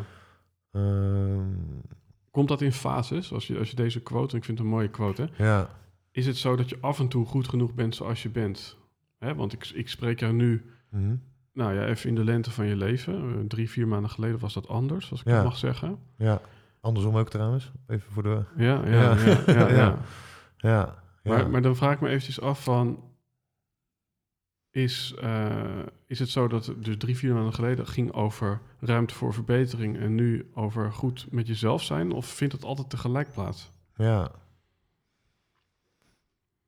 Dus komt het, Ja. leven, komt het leven seizoenen? Dat zou je ook kunnen vragen. ja, ja. Nou, dat is wel hoe ik het ervaar. Ja, Ja. ja. En wat, maakt, en wat maakt bij jou dan dat je voelt... nu moet ik eh, even schakelen en ontwikkelen... En, en nu moet ik gewoon dankbaar zijn met, met het leven wat ik heb? Nou, dat probeer ik iedere dat, die dankbaarheid probeer ik, of probeer ik, dat doe ik iedere dag wel. Ehm, alleen voel ik, hem, voel ik hem soms meer dan op andere dagen. Weet je. Ik heb gewoon dagen dat ik gewoon heel vrolijk wakker word. Denk, zo, ik heb er zin in. En andere dagen denk ik, oké, ja. Mhm. Eh, met de pest in mijn lijf naar de sportschool. En, eh, en maar een beetje dankbaarheid doen. En dan op een soort idee hebben dat je een soort, op een soort plateau zit. Van oké, ik, ik voel me vrij vlak. Dat, ehm, Is dat situatieafhankelijk of is dat echt gewoon, ja, komt dat uit de lucht vallen? In, in hoeverre spelen Ja. de omstandigheden een rol? Hè? Want volgens Guido Weijer speelt 10% van je geluk eh, ja, is, is, is, is te danken aan de omstandigheden. En 90% is gewoon je inner state. Ja. Ik, denk dat ik, ik denk dat Guido wel gelijk heeft. Dat ik, dat ik hoe meer ik pel, dus hoe meer, ik, eh, hoe meer laagjes eraf gaan, hoe, eh, hoe meer dat besef komt. En hoe, ehm, hoe minder de externe omstandigheden ook eh, van invloed zijn, merk ik. Waar, waar ben je nu, als, als we gewoon even inchecken in het moment, hè? Ja, Waar, waar, waar ben je nu op dit moment nou echt heel dankbaar voor? nou ja, dat is heel veel, man. Eh, gezondheid. Ik ben echt fit aan het worden, merk ik. Dus ik, dat is heel prettig. Ehm, ja, ik heb hele, eh, hele fijne mensen om me heen. Ehm, echt, echt een paar hele goede vriendinnen ook. Ehm, die, ja, die, die, eh, met wie ik hele fijne gesprekken heb. Nou, ik heb hier nu een fijn gesprek met jou. Ik, heb een, ik heb hele fijne kinderen. Ik heb een, ja, mijn bedrijf loopt echt heel goed. Daar mag ik echt niet over klagen. Ik ben, ben hele toffe dingen aan het bouwen. Voor de gemeente Rotterdam ben ik een heel mooi project aan het doen. Een hele grote training aan het bouwen. Zoals een, ik ben een beetje aan het, aan het, ja, aan, het- aan het opschalen. Dus ja, dat, dat loopt, allemaal, loopt allemaal fijn door, weet je. Het zijn allemaal, ik heb het echt, ik heb het echt heel druk, maar echt, echt met alleen maar toffe projecten. En, eh, ja, dus daar ben ik heel dankbaar voor, man. Dat ik gewoon mag doen wat ik leuk vind en daar gewoon echt goed voor betaald krijg. Dat, eh, Ja. dat is echt een zegen. Dat, eh, Wa- Waar, waar, waarbij jij zorg, zelfzorg in, in een eigenlijk hè, in een toch wel heel drukke agenda. Want je bent vaak als ik je bel druk. ja. Hoe combineer je die twee? ja, s ochtends. Dus ik begin, ik, ik sta meestal vroeg op en dan ga ik eerst een stukje zelfzorg doen. Sporten, eh, dankbaarheid. En eh, ja, we hebben dezelfde coach ook, hè? Of tenminste coach, misschien niet juist zo woord. Maar uh, Marije. Dat, eh, dan, ga ik even, dan ga ik even mooi, ja. mooi muziekje eronder. Marije, Marije Tita, Tita Tovenaar. Ehm, ja, dus gewoon, eh, dus dan, ga ik, dan ga ik gewoon zitten en dan eh, mediteren en, en voelen van, hé, hey, wat, wat, wat gebeurt er nou? En dat, dat, dat transformeren. ja. Ja, die Marije shit doen, zoals ik dat uh, noem. Ja, ja, ja. dus ehm, ja, ik daar, ben ik ook dankbaar, daar ben ik ook dankbaar voor, want Ik ik, kan haar, me dat ik haar heb leren kennen ook. Dat, eh, Eh, ja. er zit iets... eh, nou ja, laat het zo zeggen. Eh, ik denk dat de luisteraar denkt... Oh, nu word ik al uh, schuwnierig, zou Basje ja, zeggen. ja. Wat, uh, zonder ja, haar hele winkel meteen te etaleren, maar ja. wat, wat, wat, wat, doet zij met jou en wat geeft dat jou? Marije, Marije Kamp, hè? Dus Ja, kunnen mensen gewoon gaan googlen. Maar wat doet zij? Ja, wat doet zij? Ja, weet ik veel wat zij doet. Ja, ze is heldervoelend, helderwetend. Dus ze, ze, ze geeft van alles terug. En ja, ze leert me van mijn hoofd naar mijn, naar mijn hart te gaan. Dat, dat, ja, als, je, Ja. als je dat tien jaar geleden had, dus van ja, je hoofd naar je hart, dan had ik je kaart uitgelachen. Ja, Maar ehm, ja, ze leert mij echt te voelen. En, en, en dan gaan we gewoon zitten. En dan zegt ze, hup, nee, rechtop zitten, hand op je hart. Nee, ik zeg, ja, maar dus dit gebeurt. Nee, hup, het is allemaal verhaaltjes. voelen. Ik zeg, ja, oké, ja. Nee, voelen. Nee, je bent niet aan het voelen. dus zij, zij doet me eigenlijk heel, heel directief uh, ramsen, zeg maar, erin dat ik naar mijn gevoel toe moet. En, Ja. uh, dan zeg ik, oké, maar hij is goed. Ja En dan, eh, en dan ga ik zitten janken en dan, uh, dan heb ik weer een stuk verwerkt. Dat, uh, ja, dat, is, dat is wat ik doe met Marije. ja, ja, ja, mooi, Ja. mooi, mooi. En Ja. ehm, een afslag die ik ook nog met je wil nemen. Hè? Ja. Ehm, trainen en coachen. Ja, Hè? Want je bent nu een training aan het maken. Volgens mij Ja. zou je zo een boekje kunnen openen over het maken van trainingen. Misschien dat we daar ook Ja, heel leuk. kijken. ook leuk, ja. Maar ik weet niet of ik het goed zie, maar misschien heb je aan het begin wat meer gecoacht. En daarna ben je gaan trainen. Ja. Of is dat niet waar? Ja, ja, ja. wat, wat, wat, wat is even jouw definitie het verschil? Want het wordt vaak door elkaar gebruikt. Ja, ja, ja, dat klopt. Dat klopt. Ja, dat zijn best wel vervuilde termen ook. Mensen, mensen staan dan te trainen en noemen ze dat coachen. Kijk, ehm, als je kijkt op het moment dat er een, dat er een intern doel is... Dus ik wil, ik wil iets leren en je haalt de oplei- oplossing uit iemand zelf, dan ben je aan het coachen. Dus een, een coach haalt dingen uit de klant zelf. Dus dat is wat ik met motiverende gespreksvoering doe en met oplossingsgericht. Dus we gaan op zoek naar wat er in, ja, naar wat er in diegene zit. En daar halen we het uit. Dus als, als, je echt, als je coaching echt zuiver bekijkt, dan haal ik alles uit jou en dan maken we een plan. En dan kan ik op het einde wel een beetje helpen, een beetje co- co-creëren. Maar dan is het, Toch dan is het jouw, dan is het jouw kook, dan is het jouw plan. En trainen wil zeggen, ja, dat we gewoon shit in gaan trainen. Dus dat ik, eh, dat, dat de oplossing ook uit mij komt, hè? Mhm. Jij komt bij mij, ja, jij wil leren, eh, noem eens wat. Jij wil motiverende gespreksvoering leren. Nou, dan vertel ik je wat theorie. Dan zeg ik, nou, Eddie, gaan, we, gaan, we, gaan, we gaan dit doen. Je gaat dat oefenen. Eigenlijk wat, wat Marije met mij doet. Hè? Dus Ja, die, ja. Traint, die traint gewoon die shit in. Dus dat is, dat is voor mij echt wel het verschil. Dus, ehm, En beide gaat in jouw winkeltje wel over co-creatie. Dus het is niet zo dat als het van buitenaf komt, dat het er niet meer samen is. Nee, nee, dat klopt. Maar dat zijn wel twee verschillende dingen. Dus, dus een- in, bij, bij een training is het zo dat de oplossing van mij komt en die stop ik bij jou erin. En bij coach haal ik de opleiding, oplossing van jou, Ja, bij jou eruit. Dus het loopt wel eens door elkaar heen ook in de, in de praktijk. ja. Ja. En ja, co- co-creëren zit daar tussenin. Hè? Dan ben je aan het fro-. Noem jij jezelf een trainer of een coach? Oh ja, op, opleider noem ik mezelf meestal. Ja. Dus ik leid mensen op in coachingsvaardigheden. Wat, hè, ik- Ja. Er zijn ook veel ondernemers die luisteren als we nog even kijken naar trainingen. Eh, eh, Ja. Jij bent eh, toch al heel goed in het bouwen van trainingen. Waaruit ontleen je die conclusie? Ehm, nou, ik zeg altijd, kijk, een goede, tra- voor mij een goede trainer moet voor, mij aan drie di- dingen voldoen. Dus je moet gewoon, je moet heel veel over de inhoud weten. Dus ik ben niet zo van, eh, ja, van, van oh, ik heb, het, ik heb het boek gelezen, dus ik kan het eh, trainen. Ik, ik vind echt, missen, dat wat ik heel prettig vind is, als iemand inhoudelijk gewoon weet waar hij het over heeft. Dus hij kan de methode of iets wat hij onderwijst, daar, moet hij gewoon een, een track record in hebben. Daar moet hij gewoon goed in zijn. Dus één inhoud. En twee is die didactiek. Dus hoe bouw je iets op? Nou, daar is ook heel veel onderzoek naar gedaan. Ook, ook hoe mensen leren. Hè. Dat, dat, eh, Je moet zorgen dat er niet per se een logische, maar ook een beetje een, een, psychologisch goede volgorde in zit. Dus je moet mensen een stukje laten ervaren, uh, theorie kort houden, ehm, stap voor stap dingen intrainen. Dus van, van, van makkelijk naar moeilijk. Nou, zo, zo kan je het mooi opbouwen.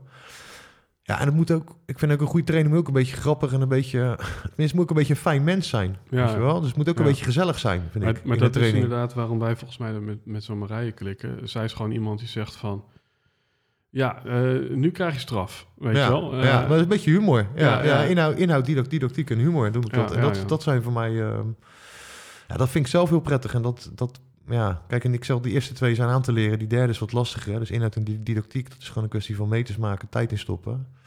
Maar ja, een fijn mens, nou ja, misschien ontwikkel je dat ook wel. Dat, uh, dat, Want we hebben het net over moordenaars gehad. En uh, tegenwoordig uh, ja, zijn het ook hoogleraren. Ja, dat, dat is bijna een soort trainde-trainer-achtig verhaal. Want dat zijn dus de mensen die uiteindelijk weer met moeilijke doelgroepen werken, toch?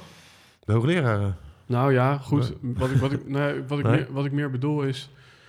Je hebt dus gewoon met de persoon in kwestie gewerkt. Maar je werkt tegenwoordig ook mensen die met, ja, met moeilijke doelgroepen werken, toch? Dus dan ja, dus ik leid mensen op. En, ik, en ik, ja, ik bouw dus ook trainingen samen met, samen met een aantal hoogleraren nu dan toevallig. Niet een aantal hoogleraren, maar daar heb ik wel contact ook mee. Ik vond het wel mooi, ik vond het wel mooi allitereren van moordenaar naar hoogleraar. Mm ja, dus nou ja, dus daar, daar heb ik wel. Ik, ben, ik heb voor het CBR, educatieve maatregelen gedrag en verkeer, dus zal ik met een aantal mensen die daar dan expert in zijn.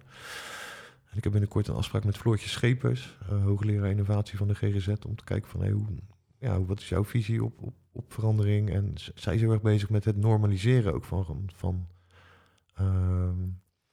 van gedrag. We zien dat, ja, dat, dat er. Uh, ik, in de jeugdzorg lopen de wachtlijsten enorm op. En er zijn soms mensen een jaar of anderhalf jaar in behandeling voor relatief makkelijke zorgvragen. Dus dat, dat uh, je moet zo voorstellen, dan komen de vragen. Ik zie het soms voorbij komen, dus ik vraag voorbij kunnen. Ja, ja, mijn zoon heeft weinig contact en er zit veel op zijn kamer uh, te gamen en te blowen. Ik denk, ja, die jongen is 15, dat is heel normaal. Hè? Dat, heel veel mm. kinderen hebben zo'n fase. Dan hoeven we dan niet twee en dan letterlijk twee hulpverleners op te zetten een jaar lang om die jongens sociale vaardigheden te leren. Weet je, dat, dat, ja, dan sla je een beetje door. Um, dus wat doe je ja, ik vind dat heel, heel, heel, heel, interessant.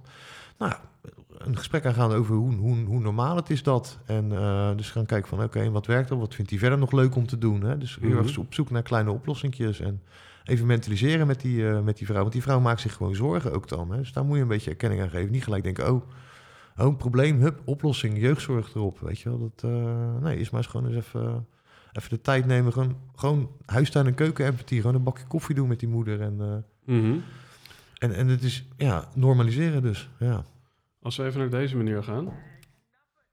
Dan, wordt, uh, ja. dan, uh, dan, dan is dat iemand die wij ook allebei kennen. Daar ja. hebben we ook allebei coaching van gehad. Ja. En, en nou goed, hij heeft het ook niet allemaal zelf bedacht. Maar nee. hij is wel van het type...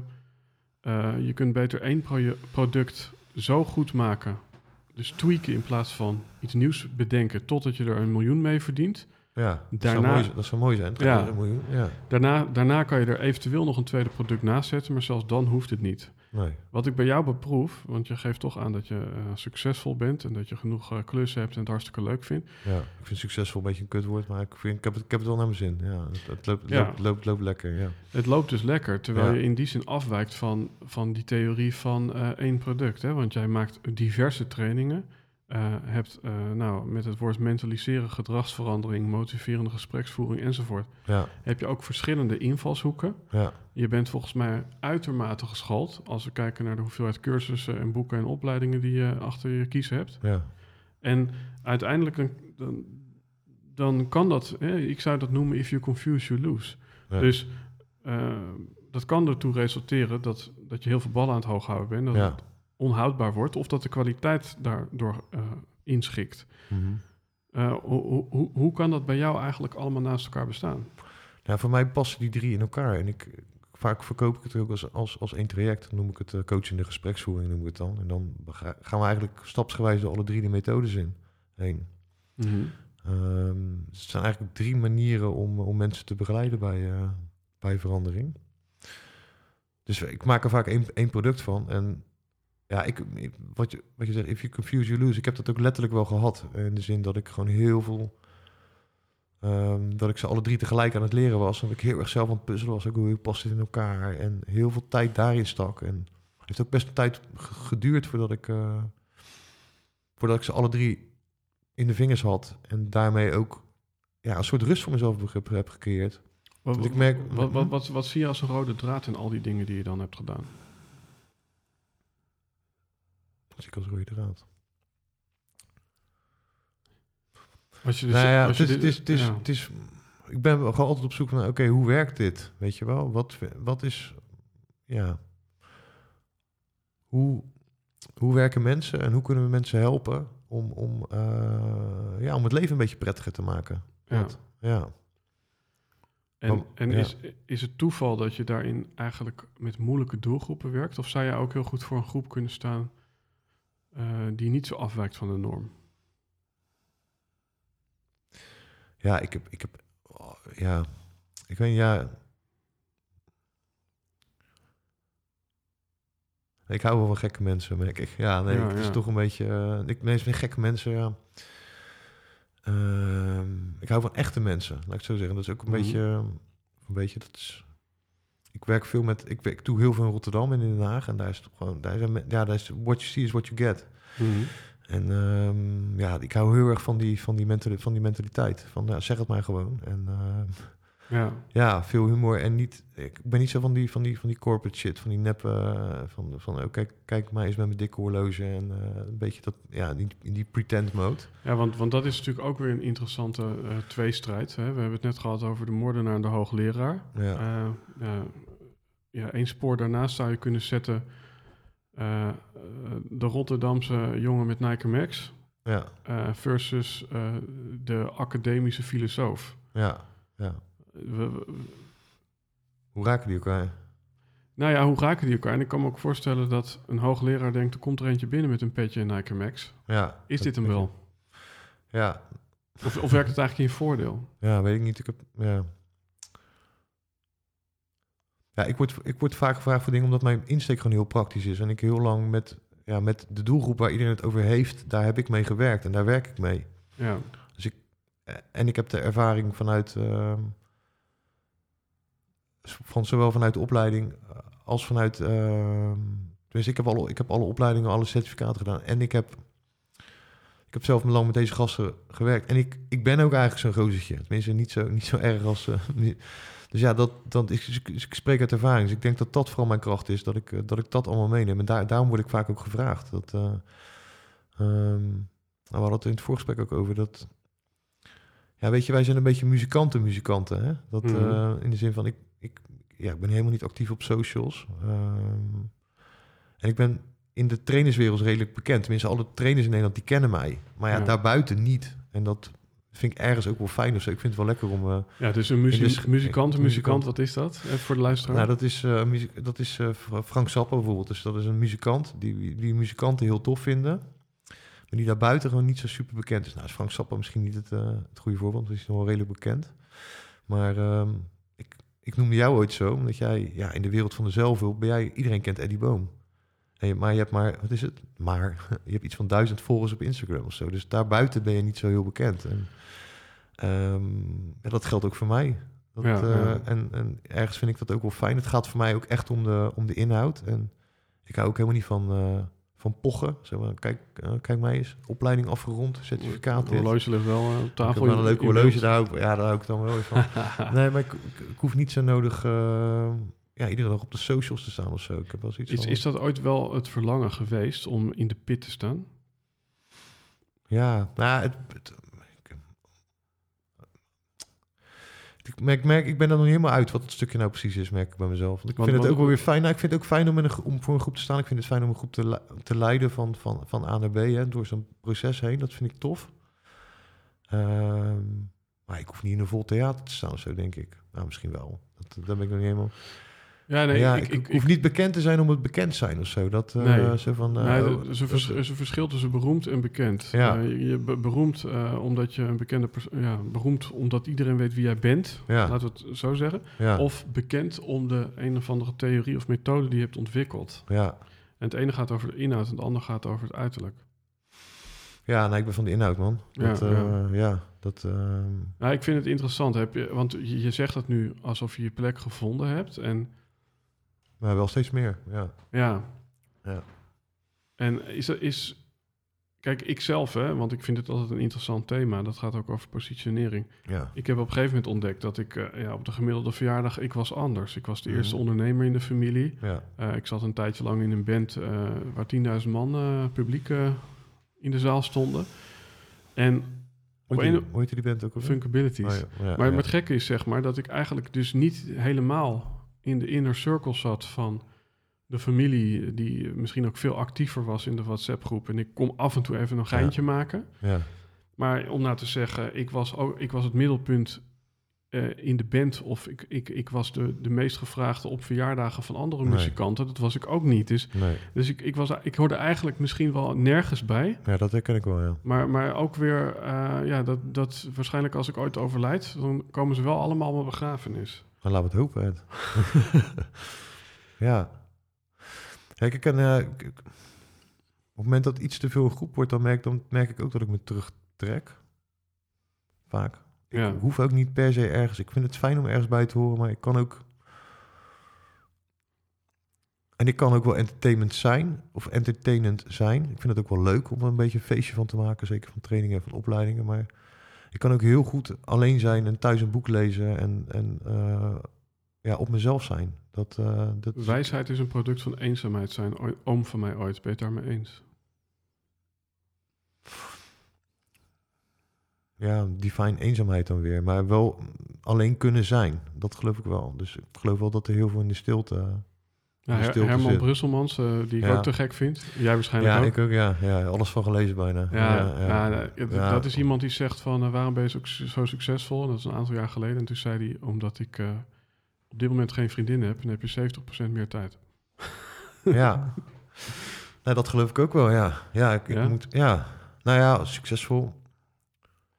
Ik merk wel sinds ik, sinds ik alleen ben dat ik wel... Ik, ik heb wel tijd over nu, merk ik. Of tenminste, Ja. tijd, tijd over. Ik, ik heb nu een aantal projecten opgepakt. Ik doe een leuk, eh, maar het is, maar het is geen een leuk project in Spangen en ik doe wat... Ik, ik heb af en toe wel wat uurtjes dat ik denk, oké, zondagmiddag... Bij elkaar is, nou, is goed. Dan kom ik wel op zondagmiddag. Ik heb, zondag is mijn vrije dag. Dan ga ik 's ochtends een beetje trainen. En Maar verlang je ernaar om uiteindelijk toch samen met iemand te wonen en te zijn? Nou, samen, samen te wonen niet meer. Dat, eh, dat heb ik geprobeerd. Twee, keer- twee keer. Ja. Nee, dat kan ik niet, denk ik. Tenminste, dat wil, dat wil ik ook niet. Ik vind het, nee, ik vind het fijn zo. Ik vind het fijn om alleen te missen. Ik vind het fijn om met mijn kinderen te zijn. Ehm ofwel samenwonen, maar ik heb ook gewoon ruimte nodig. Ik kan niet s'avonds uh, iedere avond met iemand zitten en dan... Het hangt natuurlijk Ja. ook van een paar praktische omstandigheden af. Ja, zoals een eigen werkkamer en dat soort Ja, toestanden. Misschien, wel een eigen wel. slaapkamer. Dat, dat, dat, dat ook, denk ik, ja. Patrick ik en Paul Smit slapen allebei eh, apart. Niet samen. Nou, het komt een beetje raar over, ja, maar Ja, ja. Patrick, als je luistert. Ja, nee, dat, eh, nee, dat, maar dat, nee, dat, dat onderschrijf ik. Dus dat zou wel kunnen als het huis groot genoeg is. Zeker, ja. Ja. Ehm, ja. Want ja, goed, hè, dat heeft natuurlijk misschien ook te maken met wie je een relatie hebt. Ik, eh, als je allebei een beetje ondernemend ingesteld bent, is dat misschien ook weer anders. Dat je Ja. gewoon af en toe samen kan blokken misschien zelfs. ja. Dat weet ik niet. Ja, dat is allemaal een beetje toekomstmuziek, weet je. Ja. Ik vind het voor nu vind ik het oké om alleen te zijn. Dat Ja. Ik merk dat ik steeds meer vrede heb met, eh, met wie ik ben. En, Ja. eh, dat, en dat vind ik fijn, zeg maar, om daar steeds dieper bij te komen. Dat, nou ja, Ja, dat dat vind is misschien wel een beetje wat, wat, wat eh, Jan Geurts ook zegt. Hè? Van eerst maar zorgen dat je oké bent met jezelf en dan van daaruit, eh, ja, van hoewel, daaruit maar eens verder kijken. ja, ho- hoewel natuurlijk genoeg mensen deze spirituele inborst niet hebben of, of, of daar niet ingedoken zijn en toch hun hele leven harmonieus samen kunnen wonen en leven. Zeker. Ehm, misschien de allerlaatste afslag is dan om even te kijken naar dat, eh, ja, dat, dat alleen zijn. Ja. Ehm, in de middeleeuwen was er een term wanli, één met God. Ja. In, in hoeverre ehm, ja, is, heb je misschien toch een verborgen agenda om in die eenzaamheid dingen te creëren waar je weer erkenning krijgt van bijvoorbeeld toch weer die vrouw of, Zo. of die groep? Ja. Want als we het dan hebben over de artiest, hè, in het vorige gesprek Ja. zei je ik ben een artiest. Nou ja, eigenlijk diep van binnen misschien wel. Ik vind het gewoon leuk om dingen te maken. Ja. En, eh, en ik vind het leuk om te schrijven. Ik vind het leuk om een gedicht te schrijven. Ik vind het, en die, die, die deel ik eigenlijk met niemand bijna. Ehm, ik vind het leuk om, om, ik vind het leuk om trainingen te bouwen. Ik vind het leuk om, ja, om, ja, om voor een groep te staan. Dus ik, ik, er, zit wel wat, er zit wel wat artistieke dingen in. Ja. Wat, wat geeft zo'n gedicht jou als je dat met niemand deelt?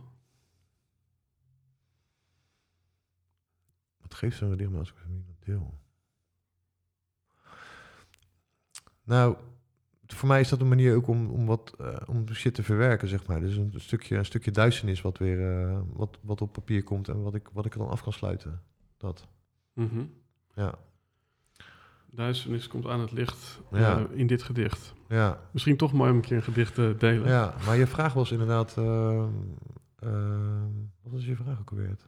Nou, eigenlijk of er misschien toch een dubbele agenda zit on, ja, onder, nou, onder wat je in je eentje creëert.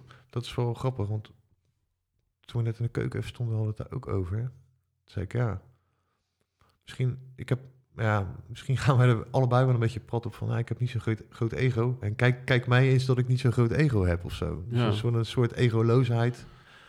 En daar dan erkenning voor willen, wat natuurlijk ook een vorm, van, uh, vorm van ego is. Dus dat zou, dat zou wel ik, kunnen. Ik, ik, moet denken uh, aan een man die anoniem uh, ieder jaar een paar miljoen stortte op een goed doel. Ja. En uiteindelijk stond hij in de krant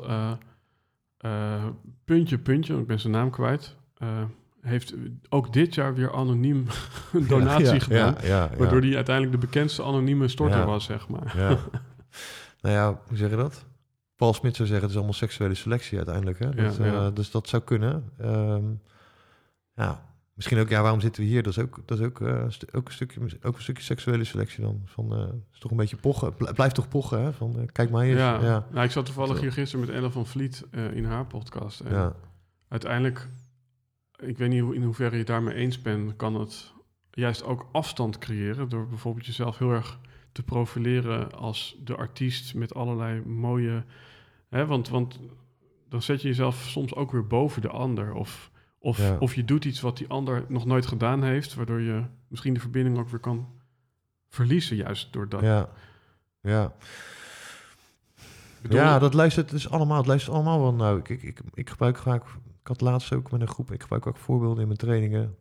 Ik zeg van joh, dat is hoe verandering werkt. En kijk maar naar kinderen ook. Hoe kinderen leren. Ik geef vaak ook het voorbeeld van. eh uh, if you want to go fast, go slow. Dan ik, nou, wie heeft er wel eens geprobeerd om een tweejarig kind met haast schoenen aan te laten trekken als je ha haast hebt ochtends? Nou ja, wat gebeurt er dan? Ja, dan gaat hij tegenstribbelen. Of als een man op een vrouw jaagt, wat, nou, wat gebeurt er dan? Nou, dan gaan ze tegenstribbelen. En toen kwam dus in de pauze kwam dus iemand naar me toe die zei: Kan ik even met je praten? Ik zei: Ja, dat kan. Ze zei: Ja, je gebruikt heel vaak uh, voorbeelden over, uh, over kinderen. En uh, ja, mijn man en ik komen net uit een traject nou ja, waaruit blijkt dat we geen kinderen konden krijgen. Dus dat raakt mij wel. Dus ik zei: Ja, Jezus, dat is natuurlijk absoluut niet mijn bedoeling. Um, dus ja, ook, ook daarmee raak je weer met wat je ook zegt of doet. Je, dat komt altijd binnen. Weet je wel, dit had ik nog nooit gehoord. Ik zei, en toen ging ik daarover reflecteren. Ik denk, ja, dat doe ik eigenlijk best wel vaak. Oké, dan moet dus iets minder van dat soort voorbeelden gebruiken. Dus ja, maakt ook niet uit wat je zegt of doet. Er is altijd wel iemand geraakt. Of iemand denkt wel, uh, wat een... Uh, wat een lul of wat een toffe gozer en, en, Nou ja, alle- en alles daartussenin. En, ja. en ik denk als we dan even teruggaan naar het begin van dit gesprek, en dan zijn we meteen ook eh, zo goed als rond, denk ik. ja, Dat als we het hebben over die co-creatie, dan is misschien op zo'n moment dat jij laat zien wat het weer met jou doet, dat zij dat tegen jou zegt. En Ja. dan, en dan ben je weer, en dan ben je weer Dan zijn we het mentaliseren. Ja, Ja, ja, dan, zijn we weer, dan ja. zijn we weer oké. hè? dat is altijd zo. Zeg, zijn we oké? Ja, we zijn oké. Ja, Wat, wat zou je, hè, want we zitten nu op eh 1 uur en 15 minuten. netjes. Eh, dat was ook ongeveer de intentie, eh, in hoeverre eh, Die er was. Ja. die er was. Dat was vooral, kwam vooral van jouw kant hoor, Ed. Dat, eh, Ja. ja. controle. Ja. ja, je hebt de regie, hè? je hebt het paneeltje staan en zo. Dus, eh, Wat, wat, wat, wat, zou je de, wat zou je de luisteraar nog willen meegeven? Want je, je hebt ontzettend veel gestudeerd. Je hebt ervaring met zoveel verschillende soorten mensen. ja. Wat, zou je misschien de, ja, de luisteraar willen meegeven van, vanaf hier? Op dit moment. ja, nou, ik geef een training samen met, eh, met eh, omgaan met een lichtverstandelijke beperking. En dat, dat, eh, dat doe ik samen met, eh met Dionys en die heeft een beperking. Dus een beperking, dat klinkt weer zo alsof... nou ja, goed, maar het is gewoon een hele toffe meid. En we hebben dus samen ook een aantal gesprekstips geformuleerd, ook voor professionals. En een van haar tips is, ja, doe gewoon een beetje aardig en gezellig. En nou, als ik mensen iets zou willen meegeven, is dat, weet je. Doe gewoon niet zo overspannen, doe een beetje aardig en relaxed. En stap uit je rol, weet je. Dat mensen gaan vaak heel erg in hun rol zitten. Als, Ja. als ouder, of als leraar, of als dit. En die neemt zichzelf een beetje bepaalde positie aan. Ik denk, joh, doe een beetje relax, een beetje aardig en een beetje gezellig. En je- eh, heb het gewoon een beetje goed samen. Dat, Ja. Ik denk dat dat het belangrijkste is, man. Ja. Als je uit je rol stapt, dan loopt alles op rolletjes. Gewoon alsof het niks is, hè? Vliegen ze bij jou eruit altijd. Ja, ja nee, dat. Ja. Ja, En dat is ook weer En- een en mooie paradox weer, eh, voor iemand die zoveel gestudeerd heeft. En, zo, en zoveel eh, ja, heeft gewerkt en heeft ervaren. Ja, nou ja, dat is ook weer. Ja, op het moment dat je inderdaad een beetje achterover stapt en denkt, joh, ik ben hier gewoon, het is, ik wil- het gewoon fijn hebben met je, ik wil het goed hebben en ik, ik ben dankbaar om hier te zijn. En dan heeft het ook weer effect op die anderen en dan, ja, dan gaan we dagen bijna als vanzelf. Terwijl als ik binnenkom en ik denk, oké, ik moet presteren, dit is een pilot, het is belangrijk, dit, dan, ja, dan schiet ik een beetje op slot en dan, dan ga ik ook lopen overtuigen, sturen en zo. Dat, die, die valkuil heb ik ook nog wel eens. Maar wel steeds minder vaak gelukkig. En ook als, ook als, ook als vader, dan denk ik, oké, ontspannen, eruit stappen. Gaat allemaal een beetje vanzelf ook. Ja. Eh, niet, eh, niet te druk maken. Mooi man. Ja, Ja. Blijf studeren om uiteindelijk eh, jezelf Om, te ja, bevrijden. ja, ja, en blijven voelen. Ja, blijven voelen. En eh, dat zijn we als doen als eh, moderne mannen. We zijn allebei denk ik bezig met eh, de kortste en tevens langste reis. De reis van het hoofd naar het hart. ja. En thanks voor... ik zou eigenlijk willen beginnen met het belangrijkste. Thanks voor onze vriendschap. ja. En, ja jij ook, man. Het, ehm, en volgende keer weer over crypto lullen. volgende keer over crypto. Ja, ja. Helden en hordes.crypto. Geen grapje. Ik heb nu, die, Serieus? ik heb nu die domeinnaam. En dan kan je eh, donaties doen in de vorm van crypto's. Oké, eh, cool. cool. Dat zijn de nieuwste NFT's voor de mensen die wij- weten waar we het over hebben. Ja, Ehm, ja, thanks. was Ja. een mooi, gesprek. ja. En, en de eh, website is trouwens www.denieuweattitude.nl. Als je hem googelt. En, eh, de nieuwe attitude.nl. .nl. Ja, en eh er staat ook, eh, nou ja, goed, eh, je weet, jullie weten me wel te vinden. Ja, eh, belangrijker is eh, dan uh, helden en hordes.crypto. Ehm, Ja, ja Eh, allebei, ja. ja. Overige linkjes naar, ja, misschien wel boekjes. we, we vinden het allemaal in de Ja, show notes, zou ik zeggen. Ja, ja, ja. Dus ik heb een paar downloads en dan kom je ook op mijn nieuwsbrief terecht. Dat ik al een tijdje een beetje laten liggen, maar ik schrijf graag verhaaltjes ook. Meestal over dingen die ik meemaak. En, ehm, en dan een link naar, naar die methodes. En ehm, dat, ben ik wel weer, ja, dat ga ik wel weer oppakken. Dus eh, die komt in ieder geval op een mailinglijst terecht. En dat, ja, gewoon lekker, eh, ja. gewoon, ja, leuke dingen doen. Mooie, mooie, mooie trainingen geven en eh, fijne gesprekken hebben. Ja. Ja. Muchas gracias. Ja, voor de luisteraar, als je wil meepraten over deze aflevering, dan kun je uiteraard ook Maarten volgen op Instagram, misschien nieuwe at- attitude, Ja, um, dat soort dingetjes. Uh, als je direct onder deze aflevering een reactie wil achterlaten en uh, wil abonneren, dan uh, heb ik daar gewoon wat knopjes van YouTube voor geïnstalleerd. Ja. Um, hashtag Helden en Hordes op Twitter, Instagram, Facebook. Overige dingen, ook de link naar Marije Kamp is misschien wel leuk om even te Ja. vermelden. Die staan allemaal in de show notes. En vond je dit een mooie aflevering? Ja. Durf hem dan ook te delen met mensen. Oh ja. Nou, misschien nog even één, één, één, leuk, één leuk dingetje. Ik heb persoonlijke titel dan eh, heel veel eh regressie-hypnose gedaan de laatste tijd. En eh, ik wou Annemarie Smit ook even bedanken daarvoor. Kijk, Dus gooi die ook daar ga, daar ga je vanmiddag naartoe. Eh, vanmiddag niet. Vanmiddag ga ik niet met anders. Maar eh, zij heeft me echt super goed geholpen. Dus dat wil ik nog even zeggen. Dus Oh ja, ja, ja, ja. even als shout-out naar haar toe. Ja, Alrighty. Nou, thanks voor deze. ja. Tot de volgende. Later. En de massa.